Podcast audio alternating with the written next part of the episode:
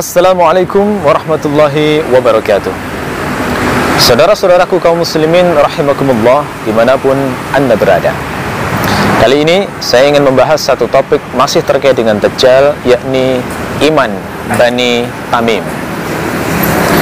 Bani Tamim adalah salah satu kabilah yang ada di Arab. Kabilah ini menjadi menarik karena ternyata disebut oleh Rasulullah sebagai kabilah yang sangat sulit ditaklukkan oleh Dajjal. Dalam sebuah hadis yang diriwayatkan oleh Al-Bukhari dari sahabat Nabi yang bernama Abu Hurairah, beliau mengatakan, "Ma ziltu uhibbu Bani Tamim منذ ثلاث سمعت من رسول الله صلى الله عليه وسلم." Kata Abu Hurairah, Aku senantiasa mencintai Bani Tamim semenjak tiga hal yang aku dengar dari Rasulullah Sallallahu Alaihi Wasallam. Lalu Abu Hurairah menyebut hal-hal tadi dan di antara tiga hal itu beliau mengatakan menukil dari Nabi hum asyaddu ummati ala dajjal mereka adalah umatku yang paling berat ditaklukkan oleh Dajjal. Informasi dari Nabi ini menjadi menarik bagi kita. Mengapa? Karena Dajjal, kata Nabi, disebut sebagai fitnah yang terbesar sepanjang sejarah umat manusia. Dajjal dikatakan Nabi adalah fitnah terbesar semenjak diciptakan Nabi Adam sampai datang hari kiamat. Banyak orang yang mengikutinya dan banyak orang yang akhirnya kafir menjadi hilang seluruh kebaikannya karena mengikuti si Dajjal ini. Rasulullah bahkan dalam sebuah riwayat juga melarang kaum muslimin untuk berusaha menemui Dajjal. Karena ada orang yang menyangka imannya baik-baik saja lalu penasaran pengen ketemu Dajjal. Setelah ketemu Dajjal akhirnya malah menjadi pengikutnya. Karena saking banyaknya syubhat yang berada di sekeliling Dajjal. Hadis ini menunjukkan fitnah Dajjal itu luar biasa besar. Kemampuannya dalam memanipulasi luar biasa, bisa menyamarkan kebenaran, kebenaran tampak sebagai kebatilan dan kebatilan ditampakkan sebagai kebenaran. Dan Rasulullah menginformasikan bahwa di antara umat Islam yang paling sulit ditaklukkan oleh Dajjal adalah Bani Tamim.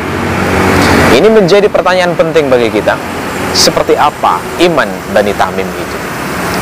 Tentu jangan sampai mempolitisasi hadis ini untuk kemudian mengagung-agungkan Bani Tamim atau membuat Bani Tamim itu menjadi kabilah tertentu yang dikultuskan. Ini juga keliru.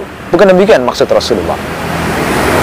Ketika Rasulullah mengabarkan ini, jangan sampai ini dipolitisasi karena mempolitisasi hadis itu sangat mungkin sebagaimana kisah yang pernah terjadi pada cerita Musailam Al-Kadzab. Rasul mengucapkan satu kata-kata yang terkesan positif tentang Musailamah, lalu akhirnya kata-kata itu dipakai Musailamah untuk mengaku untuk membenarkan pendakuannya, membenarkan klaimnya sebagai seorang nabi palsu. Oleh karena itu, sekali lagi ini harus hati-hati. Memposisikan hadis semacam ini jangan sampai dipolitisasi. Rasul ketika mengatakan bahwa Bani Tamim adalah kabilah yang sangat susah ditaklukkan oleh Dajjal maka satu hal yang pasti adalah ini terjadi pada saat Dajjal itu muncul.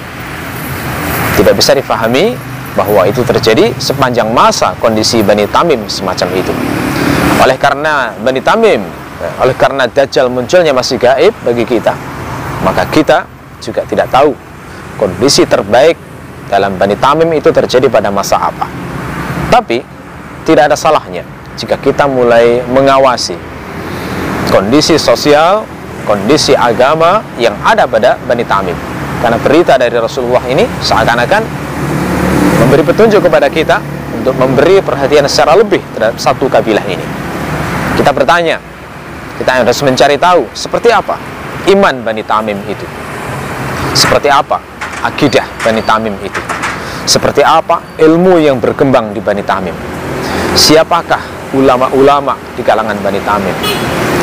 Siapakah tokoh-tokoh agama yang mengajari umat ilmu-ilmu yang sangat penting terkait dengan menangkal fitnah Dajjal ini terutama sekali ilmu yang berkaitan dengan tauhid mengesahkan Allah ilmu ma'rifatullah karena Dajjal hanya bisa ditangkal dengan pengenalan Allah secara sungguh-sungguh memurnikan tauhid kepadanya kaum muslimin rahimakumullah hadis tentang Bani Tamim ini adalah salah satu hadis yang harus diagendakan untuk dikaji demi menyelamatkan diri dari fitnah Dajjal. Mudah-mudahan Allah menyelamatkan kita dari fitnah ini. Wassalamualaikum warahmatullahi wabarakatuh.